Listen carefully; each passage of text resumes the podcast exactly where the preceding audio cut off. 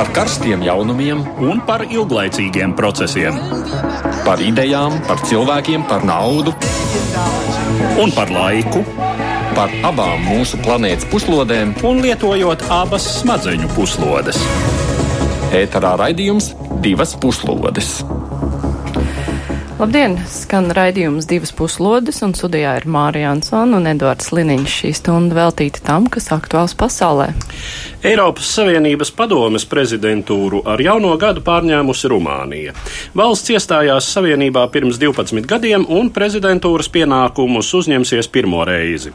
Tomēr Rumānijas spēju uzņemties šos pienākumus vēl pirms prezidentūras sākuma apšaubījušas augstas Rumānijas un Eiropas Savienības amatpersonas. Kāpēc? Kāpēc par to runāsim šodienas raidījumā? Mēs apspriedīsim arī norises Turcijā. Tur gada nogalē atkal aizturētas simt militāru personas. Runāsim, kas notiek šajā valstī, kontekstā ar notikumiem reģionā un reakciju, ko raisīs ASV prezidenta paziņojums, ka amerikāņu karavīri pametīs Sīriju. ASV prezidents Donalds Trumps šonadēļ teica televīzijas pārraidīto uzrunu valsts iedzīvotājiem no ovālā kabineta. Uzrunas nolūks bija aizstāvēt ieceri būvēt mūri uz robežas ar Meksiku, par ko prezidents izpelnījās oponentu nosodījumu. ASV joprojām nav atrisinātas domstarpības starp demokrātiem un Baltonāmu par ASV budžetu. Trumps pat paziņoja, ka viņš varētu ieviest ārkārtas stāvokli, kas viņam dotu papildu pilnvaras uzcelt šo mūri bez kongresa piekrišanas. Šo tematu turpināsim raidījuma noslēgumā. Bet kopā ar mums studijā ir politologs Kārlis Daugšs. Labdien! Sveicināti! Un žurnālists Imants Frederiks Ozols. Sveiks! Sveiki! Bet vispirms par dažām citām aktualitātēm pēdējās dienās. Francija plāno aizliegt piedalīšanos neatļautās demonstrācijās. Tādējādi tā mēģina izbeigt kopš novembra notiekošos dzelteno vestu protestus. Francijas premjers Edvārs Filips arī paziņoja par plāniem aizliegt zināmiem nekārtību cēlājiem piedalīties demonstrācijās līdzīgi kā zināmiem futbola huligāniem agrāk ir ticis aizliegts ierasties stadionos. Viņš arī sacīja, ka nākotnē nekārtību cēlājiem nevis nodokļu maksātājiem būs jāmaksā par protestu gaitā nodarītajiem postījumiem. Ukraina lūdz Eiropas cilvēktiesību tiesu atzīt par nelikumīgu Krievijas rīcību sagrābjot gūstā Ukraiņu jūrniekus. Krievijas bruņotie spēki novembra beigās Kerčs saurumā sagrāba trīs Ukrainas jūras spēku kuģus. Tie aizvest uz Kerčs ostu Krievijas okupētajā Krimā. Sagūstītos 24 Ukraiņu jūrniekus Krievija apcietinājusi uz diviem mēnešiem un nogādājusi Maskavā. Ukraina vēlas, lai tiesa atzīst, ka Krievija pārkāpus Ukraiņu jūrnieku tiesības un viņi nekavējoties jāatbrīvo. Brazīlijas prezidents Žērs Bolsonaro atteicies no ieceres atļaut Savienotajām valstīm izveidot militāro bāzi šajā valstī. To neatbalstīja Brazīlijas vadošie ģenerāļi, uzskatot, ka amerikāņu bāzi apdraudētu valsts suverenitāti. Bolsonaro nesen izteicās, ka varētu atļaut ASV izveidot bāzi Brazīlijā, lai pretotos Krievijas ietekmei reģionā. Ķīna uz mēnesis neredzamās puses veiksmīgi nosēdinājusi pašgājēju robotu pirmo kosmosa izpētes vēsturē. Šī sarežģītā ekspedīcija ir apliecinājums ne tikai Ķīnas sasniegumiem zinātnē un tehnoloģijās, bet arī tās ambīcijām. Gaidāms, ka nākamo misiju laikā no mēnesis tālās puses Ķīna atvedīs iežu paraugus, bet vēlāk plānojas arī astronautu nosēšanos uz mēnesi.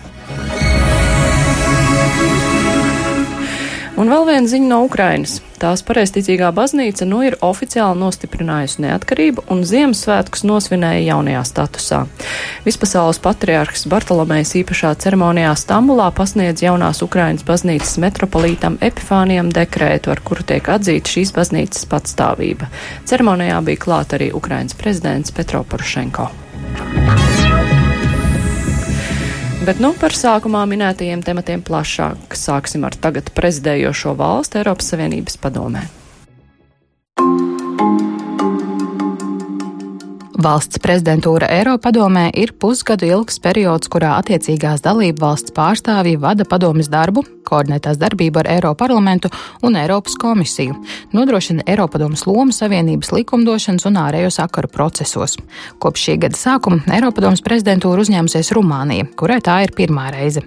Kā savas prioritātes tā definējusi Eiropas konverģenci, drošību, Eiropas globālās lomas stiprināšanu un vienoto Eiropas vērtību apliecināšanu. Mājā rīkojamo Eiropadomas samitu Rumānijas pilsētā Sibiju paredzēts veltīt debatēm par Eiropas nākotni. Diemžēl pēdējos mēnešos pirms gaidāmās prezidentūras izskanējuši viedokļi, ka valsts nav idejiski gatava prezidentūras misijai. To paudis nevien Eiropas komisijas prezidents Žans Klots Junkers, bet arī Rumānijas prezidents Klaus Johannis. Runa ir pirmām kārtām par ielgušo tiesiski politisko krīzi valstī. Kopš 2016. gada Rumānijā pie varas esošā sociāldemokrātiskā partija cenšas ar izmaiņām likumdošanā, vadošo korupcijas apkurošanas un tieslietu institūciju amatpersonu nomaiņu panākt vairāku savu biedru izvairīšanos no notiesāšanas vai atbrīvošanu no soda. Tas izraisīs regulāru kritiku no Eiropas Savienības institūciju puses un plašus sabiedrības protestus, kuru pēdējais uzbangojums notika pagājušā gada augustā. Nozīmīgākā figūra šai procesā ir valdošās partijas līderis un parlamenta apakšpalātas priekšsēdētājs Liviju Dragņa. Pagājušā gada jūnijā notiesāts ar brīvības atņemšanu uz trīs ar pus gadiem, taču spriedumu pārsūdzējs viņš turpina būt ietekmīgākais politiķis valstī un pēc visa spriežot lielā mērā diktē savu gribu premjeras Vrionikas Denčelē valdībai.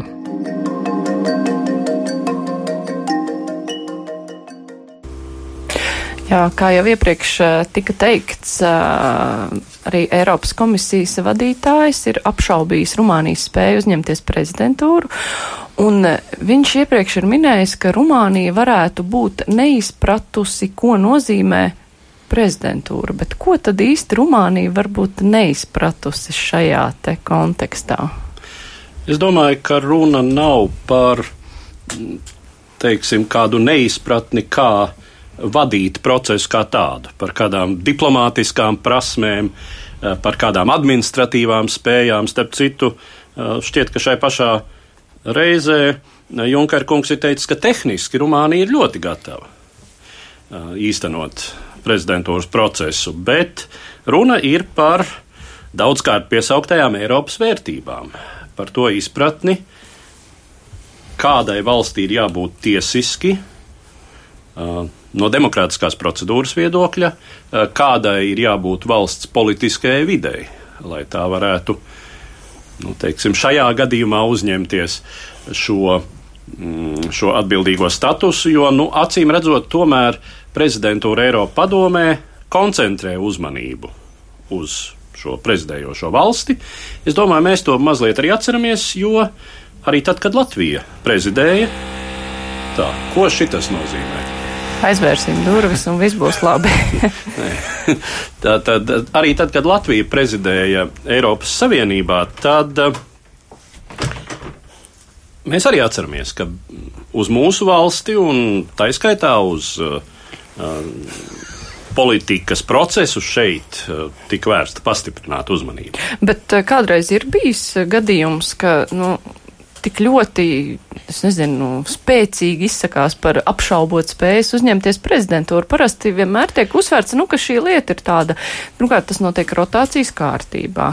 Otrakārt, nu, tā ir nu, ne gluži formalitāte, bet, nu, katrā ziņā katrai no dalību valstīm tiek dot iespēja būt prezidējošai valstī. Jā, protams, ka tas ir šobrīd simboliskāk nekā tas varbūt bija pirms eh, nebija izveidots Eiropas padomas prezidenta postenis. Kā zināms, šobrīd tātad pastāv Eiropas padomas prezidenta postenis, kas nav dalību valsts vadītājs, kas ir šajā amatā ievēlēts, um, savukārt padomas ievēlēts politiķis. Nu, šobrīd mēs zinām, tas ir Donalds Tusks, uh, polijas pārstāvis. Un, mm, līdz ar to, jā, nu, prezidējošās valsts funkcijas varbūt um, ir vairāk koordinējošas, bet, bet nu, tomēr, jā, um, līdztekus tam simboliskajam pienesumam, tur ir arī, um, tur ir arī noteiktas funkcijas, bet vēlreiz, runa nav par spēju izpildīt konkrētos pienākumus. Spēju, teiksim, sarīkot Sibiju um, samitu, nodrošināt drošību, kārtību un tā tālāk. Lai gan mēs savas prezidentūras laikā diezgan lielu uzmanību vērsām tieši šiem aspektiem, tāpēc šķita, ka tā lieta ir tāda vairāk tehniska. Bet es veicāšu arī mūsu viesiem, atgādināšu, ka šeit ir žurnālists Imants Frederiks Ozols, politologs Kārlis Daugšs. Tad ar ko Rumānijas gadījums ir īpašs? Daugšs kungs. Pēc manām domām, varbūt es maldos, bet manuprāt, ka pat laba Eiropas valdošajās aprindās, tai pašā uh, laikā arī pašam uh, Junkeram, kurš ir, ir ļoti uzmanīgs cilvēks un prognozējošs nākotni cilvēks. Viņš baidās, ka Rumānijas iekšpolitiskie sat, tādi saspīlētie, uh, dažne dažādi projekti un tai pašā laikā nākotnes arī nodomi var izraisīt vispār Eiropai diezgan lielas problēmas. Mazliet nevis šī pusgada laikā, bet mazliet tālākā. Un viņš baidās, manuprāt, ka šī uh, Rumānija izmanto šo savu prezidentūras uh, laiku, lai sagatavotos. Nu, ko es šeit ar to domāju? Nu, pirmkārt, tā ir tā saucamā Moldāvijas rumanizācija tomēr. Gaidāms Moldāvijai ir vēlēšanas. Mēs zinām, ka mums ir austrumu partnerība un austrumu partnerības ietvaros Moldāvija jau ir sevi deklarējusi, ka viņa gribētu kā valsts. Tomēr uh, notikumi Moldāvijā liecina par to, ka uh, tur tomēr aug ļoti spēcīga uh, virzība un kustība uz pievienošanos Rumānijai kā valstī. Un, uh, Pēc manām ziņām ir tā, ka rudenī Rumānija gatavojas noturēt tādu pusslēgtu sapulci ar jau iespējams uzvarējušām uh, partijām, kuras būs orientētas uz Rumāniju uh, par armijas, naudas vienības un citu tādu konsolidāciju starp Moldāviju un Rumāniju. Tāpēc arī, manuprāt, Eiropas Savienībā eh, tā ar tādām šaubām raugās, kā šie visi notikumi. Un tai pašā laikā, kaut arī tā ir ekonomiska vairāk intereses, bet tomēr jāņem vērā, kā arī, eh, teiksim, eh, Eiropa nedaudz ir satraukta arī par tām NATO darbībām, kuras ir Rumānijā. Tā ir šīs bāzes izveidošana e, un, un tā tālāk. Manuprāt, tā ir baža par kā attīstīsies, e, uz kādas bāzes Eiropa tālāk attīstīs savu darbību pēc Rumānijas uh, darbības. Es pilnīgi piekrītu Līnija kungam, ka Junkers neizteica, šaubas par pašas Rumānijas, tas sakot, elites spēju organizēt un uh, spēju darboties Eiropas uh, virzienā. Taču ir vairāki tādi, kā saka, komati visā šajā ziņā. Frederika. nu, tur ir. Um, tā kā mūsu mēdīji no, nolasīja šo ziņu vai centās nolasīt, um, visi uztvēra tā, to domu, ka tā, tā kā Junkera kritika par kaut kādu īpašu korupcijas līmeni uh, Rumānijā par tiem uh, tā kā tem, to tendenci, tā kā to tie, tiesu varu, nu, kaut kādā rāmī citā ielikt līdzīgi kā Polijā un tā, bet es domāju, ka tā, tas nav šis uh, stāsts katrā ziņā ne primārais. Uh, stāsts te patiešām ir vairāk runa par NATO, eh, vairāk runas par to, ka šīs valstis, kurām ir eh, ļoti svarīgs NATO, kā Polijai un Rumānijai, tas ir tā izveidojies, mm, viņas veido pašas savu sadarbību ar Vašingtonu Un šī, šāda tipa sadarbība ar Vašingtonu, tas nekas, ka mēs visas esam tā kā NATO valstis. Tomēr Briselē ir izaicinājums. Um, Junkers nekad nav slēpis, ka viņa ieskatā tonis Eiropas Savienībā ir jādiktē vecajām Rietuma Eiropas valstīm ar tā, nu, tādu īsto izpratni par Eiropas demokrātiju. Un Līdz ar to tas ir arī veids, kā bišķiņa atsist tās austrumu un centrālās Eiropas valstis, parādot arī nedaudz viņām, nu, tā kā, tā kā viņu vietu, ar domu, ka, nu, neiedomājieties pārāk daudz, jo Rumānijai ir kā reizi spēja šo to uh, pamainīt. Protams, arī viņi ir diezgan sašķelt sabiedrība, uh, līdzīgi kā Latvija, līdz ar to kaut kādas tādas arī ārpolitikas kursi. Viņiem mēdz būt dažādi, bet tomēr uh, Rumānijai ir diezgan lielas ārpolitiskas intereses arī pat eh, kaut vai no ieroču eh, ražošanas industrijas viedokļa. Viņiem ir savs skatījums par to, ar kurām valstīm eh, var vai nevar tirgot ieročus. Līdz ar to viņiem ir arī savas vēlmes, un viņi tās apzinās. Un, un ja šīs te valstis veido tādu lielāku grupējumu, tas ir izaicinājums Eiropas vienotībai, nu vismaz tādā mierīgas administrēšanas nu, dienas kārtībā. Jā, es diezinu vai piekristu, ka Junker kungu uztrauc primāri Rumānijas attiecības ar Vašingtonu NATO kontekstā. Manuprāt, tomēr ir runa par šai valstī iekšpolitiski notiekošo un nu, korupcijas stāsts te ir būtisks, jo, nu, saprotiet, kā es jau reiz esmu šajā raidījumā teicis, Mums ir problēmas ar dažu pašvaldību vadītājiem, šāda rakstura problēmas. Rumānijā šādās, šād, par šādiem pantiem nu, faktiski notiesāts, šķiet, ka otrajā instancē notiesāts politiķis ieņem parlamenta apakšpalātas priekšsēdētāja vietu, viņam netiek klāt, tāpēc ka valdošā partija viņu aizstāv, nu, un notiek pārsūdzības process un tā tālāk. Un tā tālāk. Nu, būtībā tas ir skandalozi, skatoties Eiropas kontekstā. Jā, mums ir iespēja noklausīties ierakstu sarunu ar rumāņu žurnālistu Mariju Dresko. Viņa pat strādā Briselē, bet nu, viņa var sniegt ieskatu, kā Rumānijā savukārt uztver visu šo stāstu. Klausamies ierakstu. In a sense, the famous debate about the preparedness of the EU presidency doesn't make a lot of sense. Slavenās debates par gatavību Eiropas Savienības prezidentūrai nav pārāk skaidrs. Vai mēs gaidījām, ka Rumānija nāks un reformēs Eiropu, atjaunos amerikāņu sapni un dalīsies ar lieliskām idejām? Es tā nedomāju.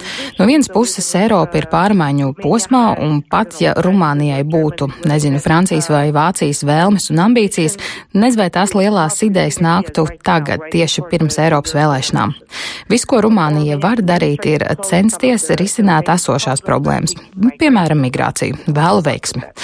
Bet problēma ar Rumāniju ir politiskā līmenī. Neaizmirsīsim, ka rumāņu politiķiem nav lielu Eiropas līmeņu ambīciju. Viņus interesēja pastiept likumus, lai viņus neieliktu cietumos. Kā jau jūs noprotat, iet vai neiet cietumā ir visnotaļ spēcīga personiskā motivācija. Viņus neinteresē, vai Rumāniju kritizē Briselē. Galu galā Eiropas Savienības prezidentūra beigsies, viņu kriminālās problēmas gan nē. Viņi tuvojas Orbāna klubam. Viņi izplata eiroskeptisku, populistisku retoriku un ne jau ideoloģisku motīvu vadīt, bet vienkārši, lai attaisnotu savas darbības. Jā, mēs būsim bezprecedenta situācijā, kur prezidējošā valsts atklāti cīnīsies ar Eiropas komisiju un tiks ārkārtīgi kritizēta Eiropā. Extremely criticized on the European scene.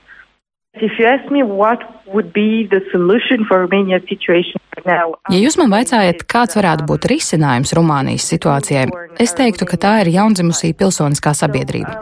Es negaidu, ka notiks tūlītējas pārmaiņas Rumānijas valdībā, bet šī pilsoniskā sabiedrība ir dzimusi kā reakcija uz valdības pārkāpumiem.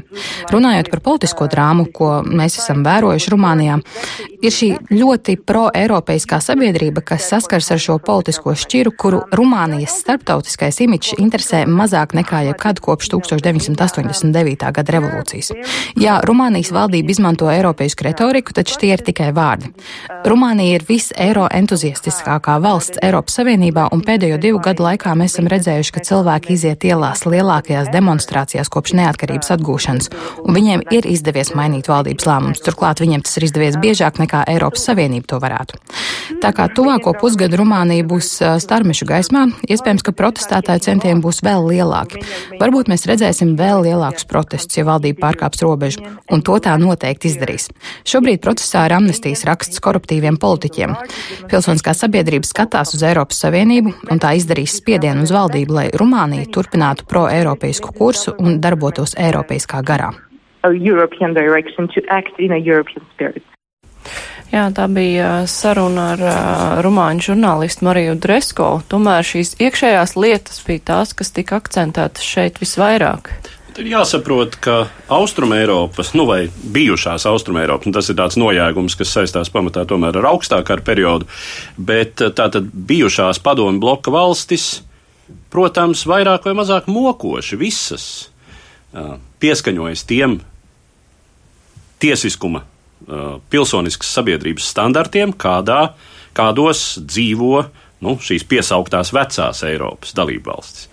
Un uh, Kas Rumānijas gadījumā ir īpašs? Rumānija šobrīd ir, teiksim, tā um, aktīvākās cīņas poligons.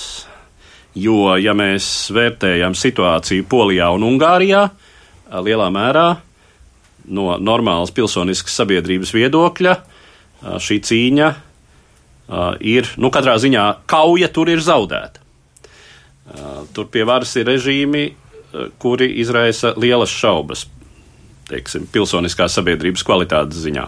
Nu, labi, es neteikšu režīmu, nu tā tad um, elites vai, vai uh, partijas. Uh, Rumānija šobrīd ir tā kā uz nāža asmens šai ziņā. Uh, jo tiešām sabiedrība ir sašķelta, uh, valdošā partija ir iegūsi varu ar dažu procentu pārsvaru, Jā, nu, faktiski tā laikam ir partija koalīcija. Ja. Tur ir sociāldemokrāti un, un viņiem sabiedroti, laikam, liberālo, liberālā partija, tā sauktā. Nu, tā tad. Jā, bet, bet pirms iemesls. tam reiz ir minēts, ka Rumānija gribētu it kā nostāsties kopā ar Poliju un, un Ungāriju tā kā tāda Eiropas Savienības opozicionāra, bet mērķi katram ir citi. Jo, ja Poļi Ungāri runā, piemēram, par tādām lietām, nu, kas visus interesē migrāciju, mēs nelaidīsim iekšā migrantus un uh, lielāku iespēju lemt pašiem savu likteni, tad šajā gadījumā, kā minēja arī žurnālisti, ka uh, Rumāņu amatpersonas grib uh, tikt sveikā bez soda par korupcijas skandāliem. Man, man tomēr likās, tad, kad mēs runājam par korupciju, ļoti svarīgi atcerēties um, to, ka me, uh, vispār tas nav tikai Latvijas fenomens, bet vispār Ziemeļa Eiropas fenomens, uh, ka dienvidus, uh, jo ir tas uh, slavenais dalījums rietumos, austrumos un ziemeļos dienvidos, un tās pretrunas ir patiešām identificēts.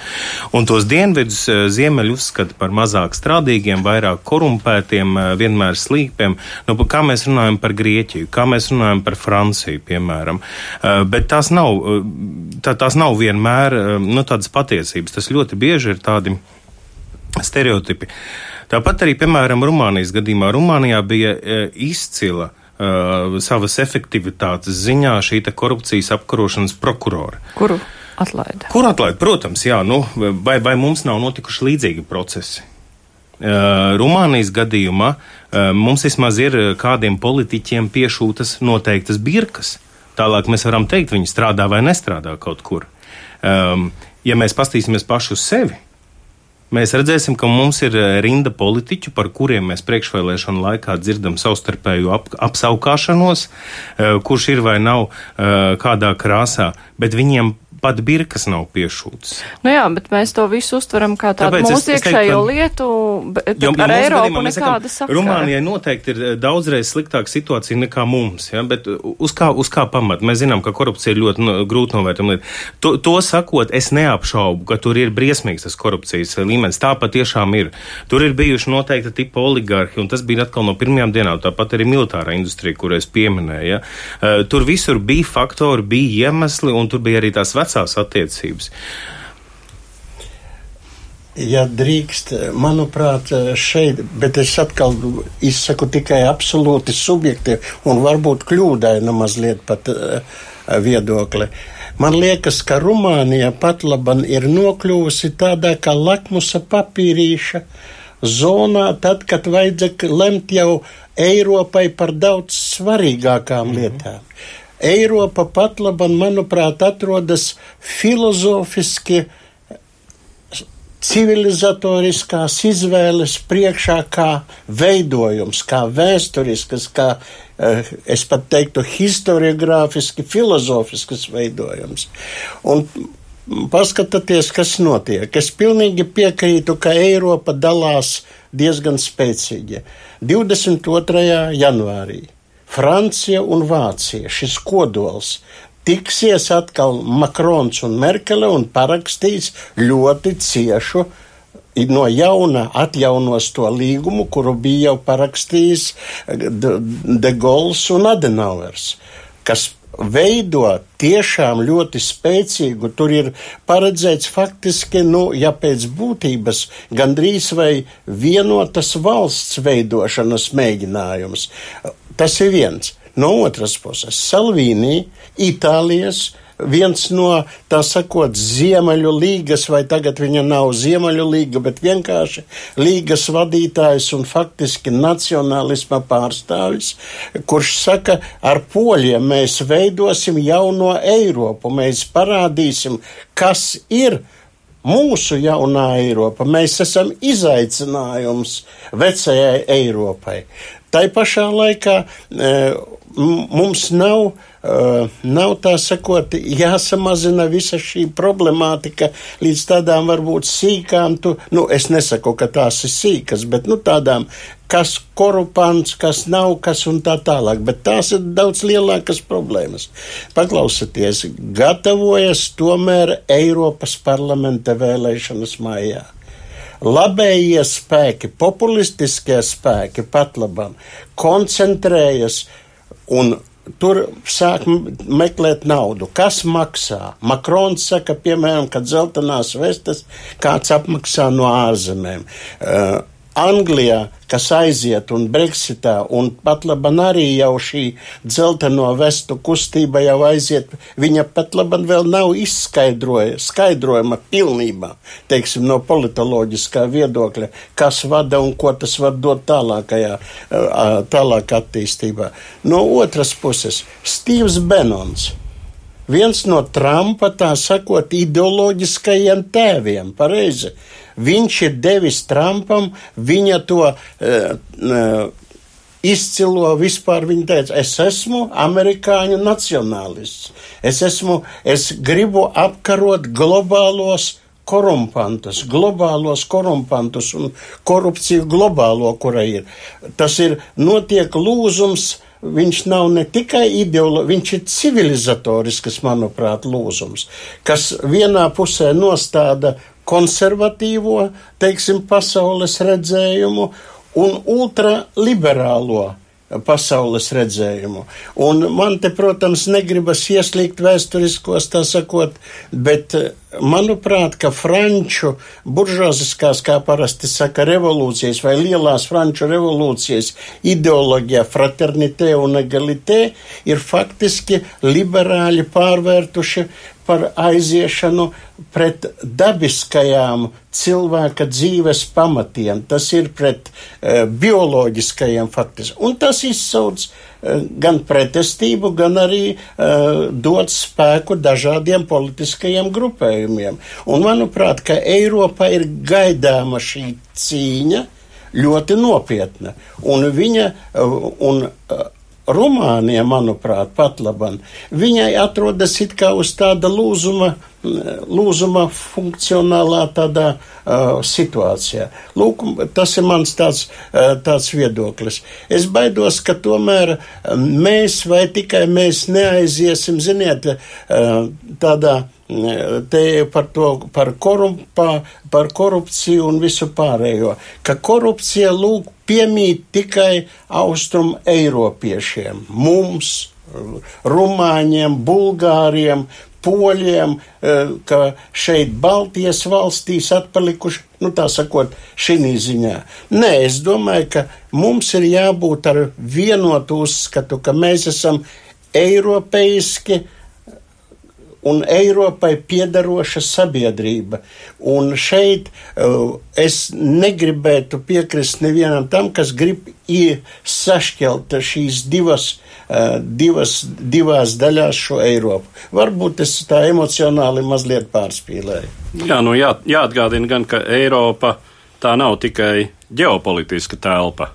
Un uh, no otras puses, nu, pastāv zināma korelācijas starp tiesiskuma izpratni, un atrašanos vai no eiropeiskā, vai kā es to definētu, eiroaziātiskā telpā, kur ir citi priekšstati par to, kā vara veido attiecības ar sabiedrību, kā vara atskaitās sabiedrībai, kāda ir varas atbildība pilsoņa priekšā, uh, kādā veidā uh, un uz kādiem nosacījumiem pilsonis deleģē savu atbildību varas mehānismam. Uh, un, uh, nu, nezinu, ko Daugšta kungs domāja ar um, teiksim, cilvēka bioloģisko pamatu noliekšanu. no, noliekšana tad, kad teiksim, šis process starp vīrieti un sievieti, starp ģimeni un funkcijām un tā tālāk, viņš tomēr ir kļūst. Ne, nevis es domāju, ko es ar to domāju. Es do, tikai, ka šie procesi, dabiskie, kuri gadu tūkstošiem veidojušies, priekšā pēkšņi kļūst par sociāli konstruējamiem. Lūk, šīs sociālās konstrukcijas, manuprāt, tās būs. Ja, tā droši, droši, vien, droši vien, ja mēs papētītu, teiksim, dzimumu lomas vai dzimšu lomas, kā vēsturisku fenomenu, tad te mēs arī atrastu visdažādākos modeļus dažādās pagātnes sabiedrībās. Tā kā, nu, katrā ziņā, manuprāt, te ir vairāk atkal tāda.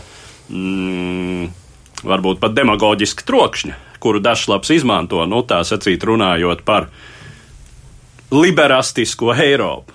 Nu jā, tas es, ir interesants. Es tikai jā. pāris vārdus piebilst. Es, eh, nu, labi, paraudzīsimies tagad no otras puses. Kāds ir mūsu ieguvums um, visu laiku veidojot šo te pretstatījumu? Uh, mēs un Ungārija, mēs un Polija, mēs un Rumānija. Tas arī na, nekādā mērā nepalīdz Eiropas idejai. Tāpat, ja jūs runājat par Eiroaziātisko telpu, tā nav tāda vienota telpa. Um, nevajag galoties. Un tāpat arī savukārt savukārt eh, pārvaldes modeļi Rietumē Eiropā ir eh, dramatiski atšķirīgi. Un tas, kā cilvēki tos uztver, nu, paņemiet Vāciju un Franciju, ja, tad mēs kaut vai paņemam šo tandēmu vai dzinēju. Tas, cik ļoti atšķirīgi ir gan pilsoniskās sabiedrības iesaist, gan arī tas eh, valsts pārvaldes modelis. Vai pastamies tagad uz Lielbritāniju? Es tikai domāju par to, ka tur es noteikti pilnīgi piekrītu profesoram, ka mēs, eh, mēs esam ļoti tālu no tās īstās sarunas, un tā īstā saruna ir par to, kā Eiropa dzīvos tālāk. Un tas ir tas, ko Junkers gan pārspēlē uz tādām mazākām taustāmām lietām, jo mēs visi zinām, ka mēs esam korumpēti. Nu, tā, tā ir tā taisnība, ka Austrum Eiropa, eh, vai mums patīk vai nepatīk šis jēdziens, ir salīdzinoši nabadzīga, un mēs meklējam, kur ir šīs problēmas sakne, un eh, viena no ļoti viegli identificējumām saknēm ir korupcija. Ja? Bet jautājums ir par kaut ko citu. Vai mēs šādi labi viens eh, otram virsū ejot, nesadalīsim to Eiropu vēl straujāk.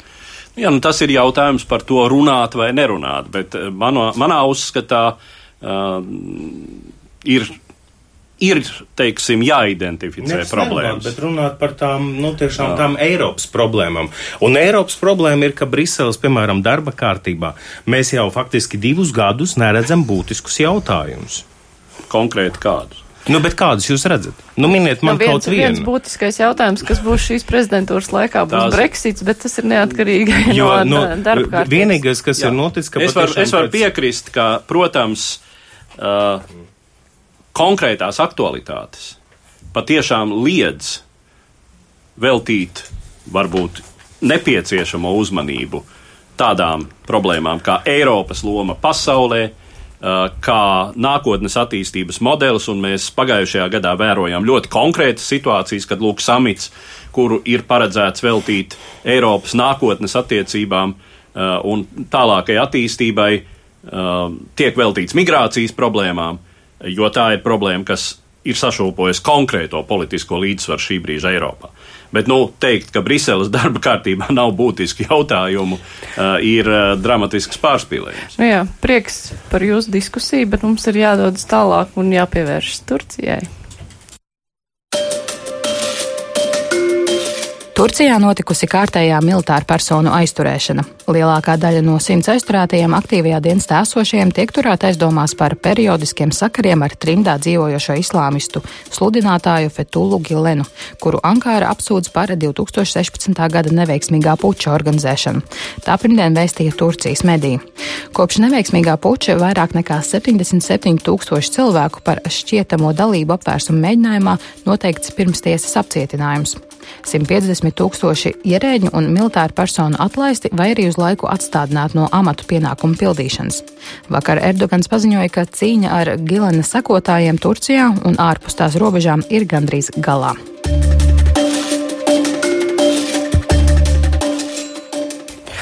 Atgādināšu, ka divas puslodes. Es atgādināšu, ka studijā šobrīd kopā ar mums ir arī politologs Kārlis Daugšs un žurnālists Imants Frederiks Ozols. Šīs aizturēšanas Turcijā tas nav nekas jauns, ne pirmās, nezinām, varbūt arī ne pēdējās, bet eh, jautājums, vai tā ir tikai Erdogana varas nostiprināšana, vai tam ir saistība ar eh, kaut kādām plašākām norisēm reģionā? Mm, nu, Erdogans un viņa vara ir, nu, pirmkārt, Turcijai, kā šim reģionam ļoti nozīmīgai valstī un vēsturiskajam vesela reģiona centram, atcerēsimies Osmaņu impērijas laikus. Um, tā tad raksturīgs fenomens. Uh, un, nu, jāsaka, atkal ar zināmu vilšanos, ar ļoti nozīmīgu vilšanos Eiropai, mēs varam vērot to, ka uh, ir noticis uh, atkritiens uh, atpakaļ. Nu, pie tendencēm, kas Turcijai ir bijušas raksturīgas, uh, lielu daļu 20. gadsimta, sevišķi 20. gadsimta otrajā pusē. Un eh, tā nianse, kas šeit parādās un kas arī ir Turcijai raksturīgi, ka 20. Eh, gadsimtā nu, Turcijas militāristi un eh, ar militāro varu ciešā sazobē esošais politiskais process lielā mērā atturēja no varas salīdzinoši, teiksim, radikālāku tādu tra tradicionālistiskāku islāmisma ievirzi. Nu, un te mēs piesaucam lūk, zināmo savienotajās valstīs, starp citu dzīvojošo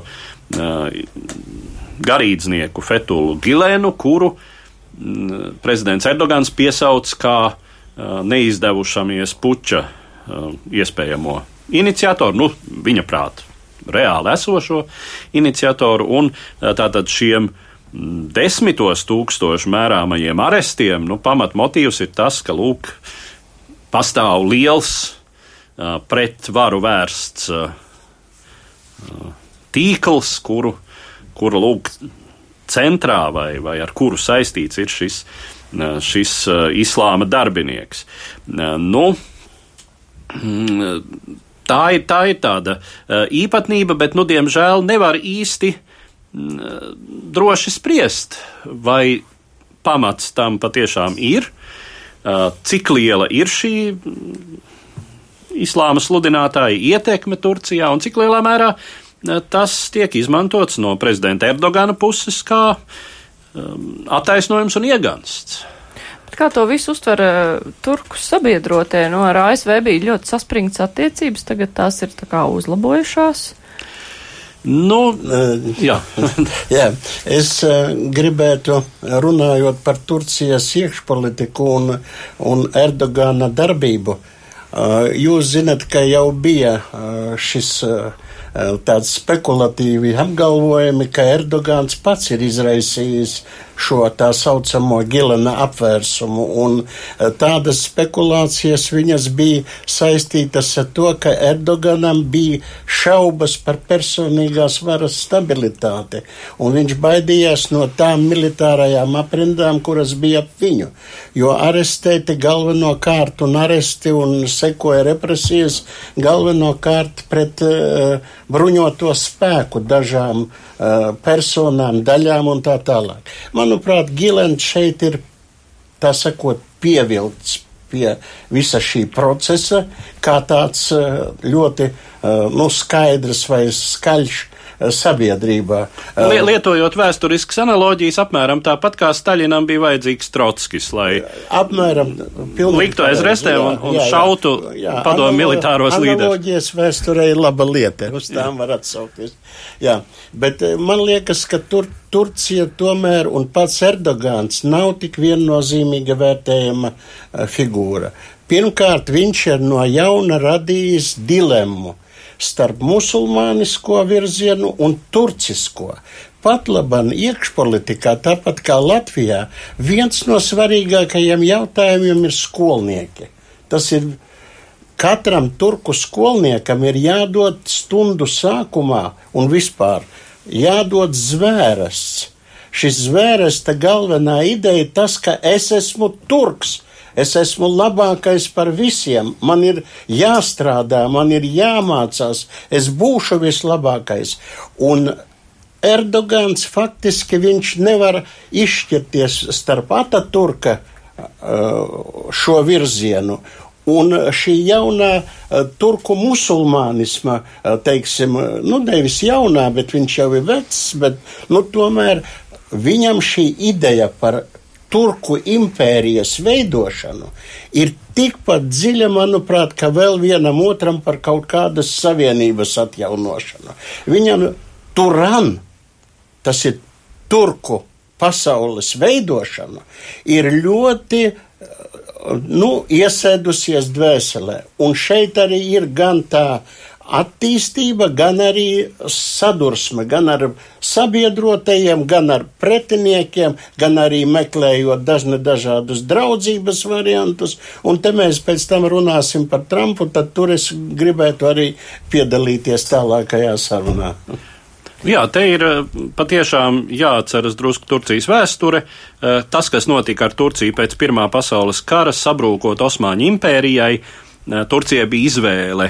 Un tas, protams, bija ļoti smags nacionāls pazemojums, un tas, ko piedāvāja Turcijas tā brīža līderis, Kemāls Ataturks, bija strauja, radikāla valsts modernizācija, atteikšanās no šīs vecās impērijas ambīcijām, kas bija daudznacionāla valsts ar Turciju kā centru, kur Turki daudzajā ziņā bija tāds stabilizējošs faktors, kas daudzos reģionos palīdzēja nu, teiksim, tā, amortizēt zināmas pretrunas, tā izskaitā starp reliģijām. Nu, bet, bet šis periods ir tas, kura dēļ kura laikā Turcija iekļāvās daļēji rietumu sabiedrībā šajās lielajās organizācijās. Mēs runājam par NATO, ir sabiedrotie, tomēr, nu tas jā, jā, ir viena tipa valsts. Mēs pat runājām. Tur ir jāzina, kāpēc. Jā, bet mēs pat runājām par to. Pat... Jo, jo Turcija lielā mērā bija vajadzīga jā. rietumiem kā pretsvars savukārt padomi savienībai šajā mm. reģionā. Jā, bet mēs Trumena pat runājām, mēs pat nopietni esam apsvēruši par to, ka Turcija varētu stāties Eiropas Savienībā. Jautājums ir šobrīd vai. Cik nopietni? Varbūt to ir nopietni darījuši. Nu, Nē, bija, bija tiešām periods, un, un šis periods lielā mērā saistījās ar tādu, mm, nu, teiksim, demokrātijas sapni, uh, kuru Eiropa sapņoja, teiksim, sākot no 70. gadiem, un uh, līdz gadsimta beigām, līdz 20. gadsimta beigām, ka viss notiek uz virzību demokrātijas. Jā, Eduard, tā kā mums vēl jāpaspēj izrunāt arī par Ameriku, tāpēc es gribēju Jā. šo Turcijas sadaļu uh, noslēgt ar jautājumu, vai tas viss, nu, ir vēsture viss šī te Turcijas eiropeizācija, ciešāki sakari ar, rietumu valstīm, tā, tas viss ir, te, te tur, Turcija runā par islamizāciju un viss vai? Vi, viņi, viņi meklē savu ceļu, viņi meklē savu ceļu un te man tiešām ir jāpiekrīt, teiksim, ir viens, nu, man kā lingvistam pēc, pēc pamat izglītības arī, zin, interesants faktors, piemēram, šīs te osmaņu, jeb otomanu valodas mācīšanās, kas nozīmē arābu alfabētu, tas, no kura aizgāja tieši atat Atatürks pats projām. Ja? Un tas patiešām parāda ļoti uh, lielas tādas nu, domāšanā izmaiņas, kas mēs īsti esam. Jā, viņi grib uzņemties šefību arī par arābu pasauli, uh, nu kā apmēram amerikāņi, nerunājiet pat taisno ar viņiem. Mēs uh, to varam izdarīt, un te ir tas Saudārābijas uh, gadījums, kāpēc, kāpēc turki manipulē ar šo informāciju un dozēt viņi to dara. Bet tajā pašā laikā virknē šī reģiona valstu, nu, šī reģiona, es teiktu, tā tuvo austrumu un Ziemeļāfrikas valstu Tunisija, Eģipte, Sīrija, Saudārābija. Visur notiek zināmi meklējumi, Jemena galu galā. Ja? Visur ir tādi ra radikāli konfliktējošas puses. Tikai kat, katra citādāk izteikti. Tunisija būtu tuvāk, piemēram, Turcijas gadījumam, kas meklē, kā tālāk, cik daudz civilais, cik militārais, cik daudz islāmiskais, cik daudz laicīgais, ja šīs te četras asis. Tā kā Turcija meklējuma priekšā, nu, mums jāķerās. Jā, jā tikai vienu piebildi. Uh, Eiropai Turcija ir vajadzīga. Tas ir skaidrs.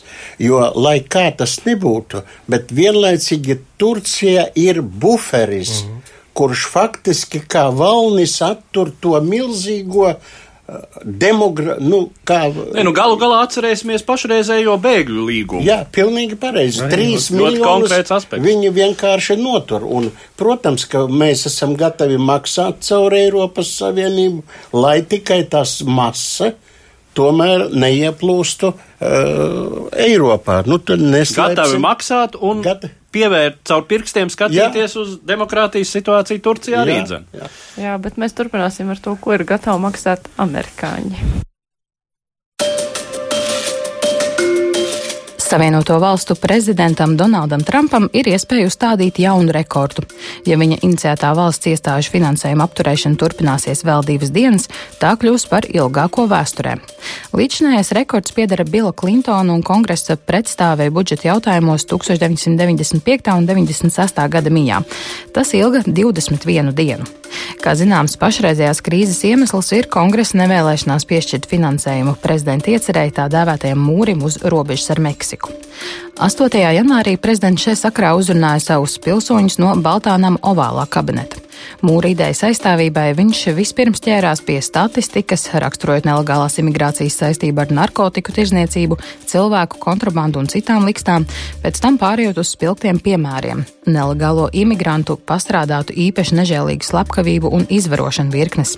Var piebilst, ka arī ovālā kabineta uzrunu ziņā Donalds Trumps var pārsist līdzinējos rekordus. Ar šādām uzrunām ASV prezidentu uzstājas tikai īpašos gadījumos. Franklins Rūzvelts, vienīgais prezidents, kurš ievēlēts amatā trīs reizes, vadīja valsti 12 gadus, tā skaitā Lielās depresijas un Otrā pasaules kara laikā. No vālā kabineta uzrunājis tautu 37 reizes. Donalda Trumpa priekšgājēji Barack Obamas kontā ir 20 šādas uzrunas, Džordža Buša jaunākā kontā 29. Līdzinājais rekords pieder Richardam Niksonam. Viņš uzrunājis tautu 43 reizes. Donaldam Trumpam, kas sabijis amatā vien nepilnus divus gadus, šī bija jau 17. reize.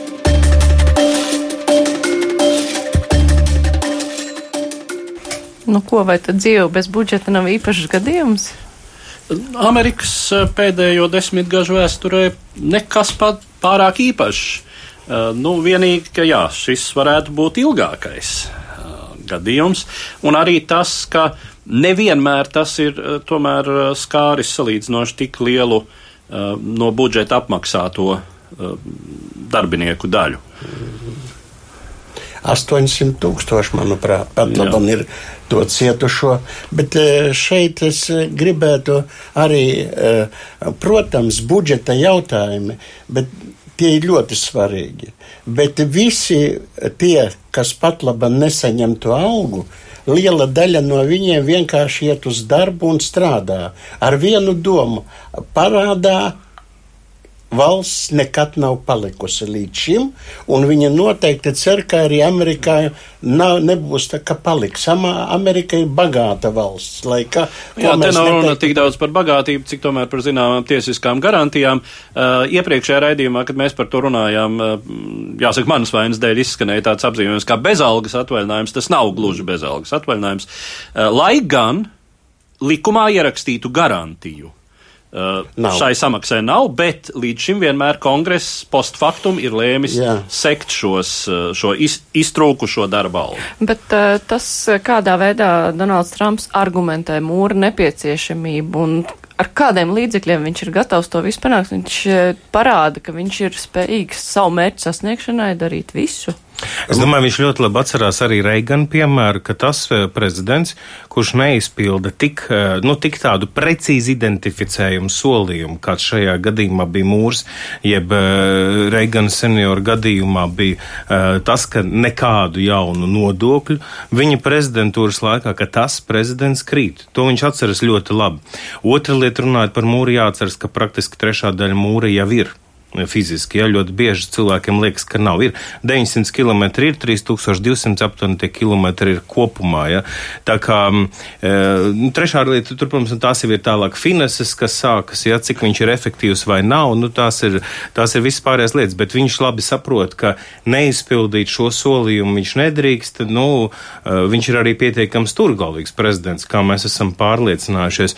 Bet atkal te jau ir runa, mūrs ir mūrs, bet te jau ir runa par kaut kādiem lielākiem, ietilpīgākiem simboliem, uh, kuru, nu, kuru risināšanā mūris ir tas, tikai tas simboliskais priekšmets. Es domāju, te ir jautājums par to, nu, kādā pasaulē mēs tālāk dzīvosim tajā uh, liberā, pilsētas liberāļu pasaulē vai šajā te, nu, Trumpa veidotajā pasaulē. Nu, viņš priekš Amerikas, jo viņš to gan viņš ļoti konkrēti pasaka, ka visi šie risinājumi ir tikai Amerikai. Bija neviens pārējais viņu neinteresē. Jā, jā, šajā runā izskanēja, mēs ceļam ap māju žogu nevis tāpēc, ka mēs ienīstam tos, kas paliek ārpusē, bet ka mīlam tos, kuri žoga iekšpusē, nu sargājam uh, pret visām briesmām. Jā, tas gan, bet pāvests, uh, tā kā es esmu katolis, man viņš uh, tā jāci, jācitē arī ir. Viņš arī pēc savas vizītes tikko Meksikā, viņš uzreiz pateica, ka es negribu iejaukties politiskajos jautājumos, bet tas cilvēks, kurš ceļ žogus, nav labs cilvēks. Viņš to ir pateicis kā tāds. Bet tā... Meksikā viņam ir vairāk katoļu sekotāju nekā. To es Amerikā. arī saprotu. Kas attiecas uz Trumpu? Es domāju, ka viņš ir izmēģina vienu metodi uh, likumdošanā.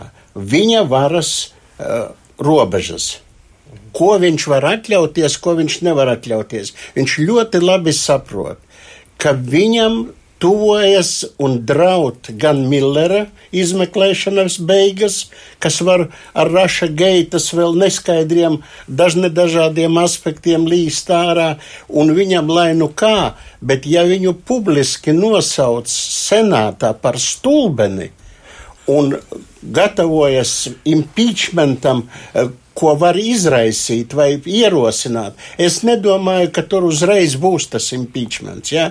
bet, bet pati viņa e, struktūra, ja viņš cilvēks savos tvītos uh, e, 60 reizes ir lietojis raganu medības un raganu medības šo teicienu, kas ap viņu notiek, tātad viņš mēģina arī uzstādīt savus noteikumus, un nevelti viņš ir piedraudējis ar ārkārtas stāvokļa ieviešanu, nu, pareizi tikai uz robežas, viņš nevis visā valstī, viņš uz robežas, lai 5,2 divus miljardus eh, kongress viņam atvēlētu šīs tagad jau tērauda siete eh, uzcelšanu, nevis eh, betona mūri, ko viņš bija ieplānojis. Tāpēc, manuprāt, tur notiek ļoti asa iekšpolitiska cīņa starp elites dažādām grupām un šīs cīņas iznākums dos rezonanci vai atbildes vilni arī visai pārējai pasaulē. Un mēs nevaram izvairīties no mm, analīzes un e, nevaram arī vienpusīgi pie, pievienoties vienai vai otrai pusē. Diemžēl mēs esam e, tomēr šeit skatītāji, e, kas skatās uz to scēnu, kas tur var izvērsties nesevišķi, teiksim, pozitīvi, jo viņš ir pilnīgi gan anti-eiropeiski noskaņots viņš ir ļoti noskaņots pret centru. Jā, viss. Jā, es jau ceļu roku, jo mums vienkārši laiks beidzās raidījumam. Nu, diem, diem, diemžēl. Daugš, žurnālists Imants Frederiks Ozols bija šodien mūsu viesi. Studijā bija arī Edvards Liniņš, es Mārija Ansona raidījumu producēju Ievazējas. Mēs tiksimies atkal pēc nedēļas. Visu labu! Divas puslodes!